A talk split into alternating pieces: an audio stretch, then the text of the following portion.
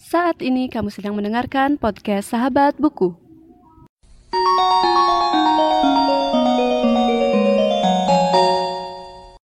Sebelum mendengarkan episode kali ini, jangan lupa follow podcast Sahabat Buku di Instagram di @podcastsahabatbuku.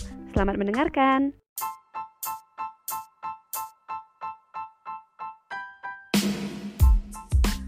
Halo semuanya dan selamat datang kembali di podcast Sahabat Buku. Dan kali ini aku bakal ngasih rev sedikit review untuk buku dari lanjutan uh, Summer in Seoul dengan judul Autumn in Paris karya Ilan Hatan.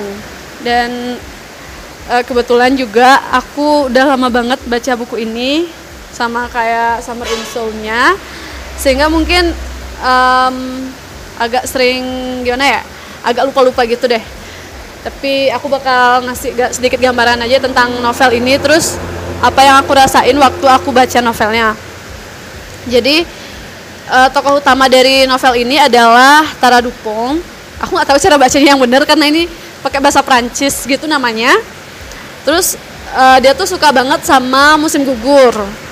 Dan dia tinggal di Paris kan. Terus nanti dia ketemu sama seorang cowok yang namanya Tatsuya Fujisawa. Jadi cowoknya cowoknya ini adalah orang Jepang yang benci banget sama musim gugur karena ibunya dia meninggal waktu um, waktu musim gugur gitu. Terus si Tatsuya ini nanti datang ke Paris buat ketemu sama seseorang gitu kan. Nah orangnya ini adalah ayah kandungnya Tatsuya gitu. Terus um, cerita ini diawali dari bertemunya Tatsuya dengan seorang cewek gitu. Dan nanti diceritain pokoknya cewek ini adalah si Tara gitu kan. Dan um, orang yang dicari sama Tatsuya adalah Jean Daniel Dupont atau um, siapa ya? Jean Daniel Lemonshare aku aku nggak tahu cara baca bahasa Prancisnya tapi intinya ini ternyata adalah um, bisa dibilang cinta terlarang gitu. Karena mereka ternyata punya ayah yang sama. Jadi uh, ayahnya si Tara dan Tatsuya ini sebenarnya adalah orang yang sama tapi mereka saling mencintai gitu. Terus itu benar-benar nyesek banget. Kayak aku inget banget waktu aku baca ini awalnya aku mikir ceritanya bakal gimana ya? Mungkin kayak nggak jauh beda dari yang di Summer in Soul karena mungkin tokoh tokoh si si Tara sama siapa sih yang kemarin itu menurut aku bakal mungkin bakal jadi cewek yang sejenis deh gitu. Tapi ternyata enggak juga gitu walaupun emang ada beberapa persamaannya tapi ya nggak sama-sama banget gitu loh. Dan jujur nyesek banget waktu aku baca ini karena awal-awalnya tuh bener menurut aku tuh romantis banget gitu buat mungkin kalau nggak tahu sih untuk yang sekarang. Hmm, mungkin buat yang nggak terlalu suka cerita yang kayak cinta-cintaan baper-baperan tuh mungkin nggak cocok ya. Tapi aku nggak tahu.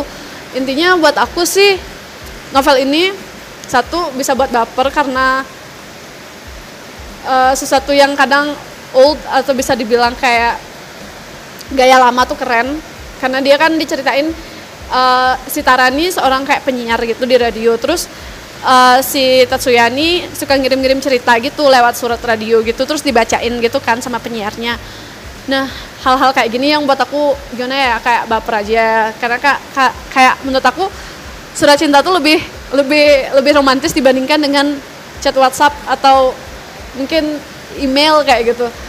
Karena kayak something aja gitu kan. Terus itu yang ngebuat aku suka sama novel ini dan juga uh, jujur aku aku sudah tadi itu udah banyak banget spoiler dan aku nggak mau ceritain endingnya bakal kayak gimana.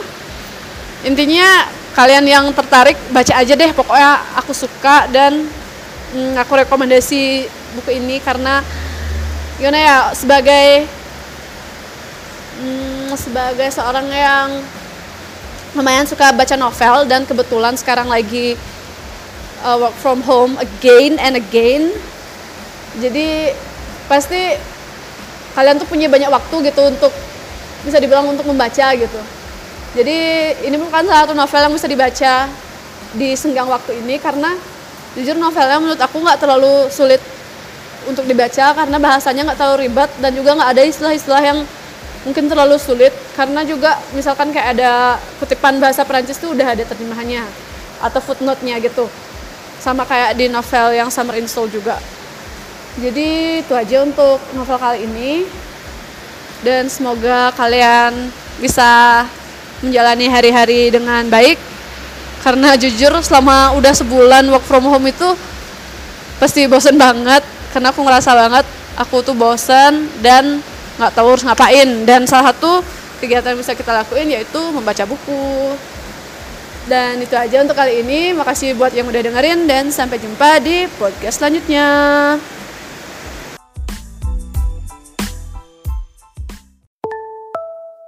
Terima kasih sudah mendengarkan podcast Sahabat Buku. Bagi pengguna Spotify, jangan lupa follow. Dan pengguna Apple Podcast, jangan lupa subscribe supaya bisa mendengarkan semua episode baru dari podcast Sahabat Buku. See you in the next episode.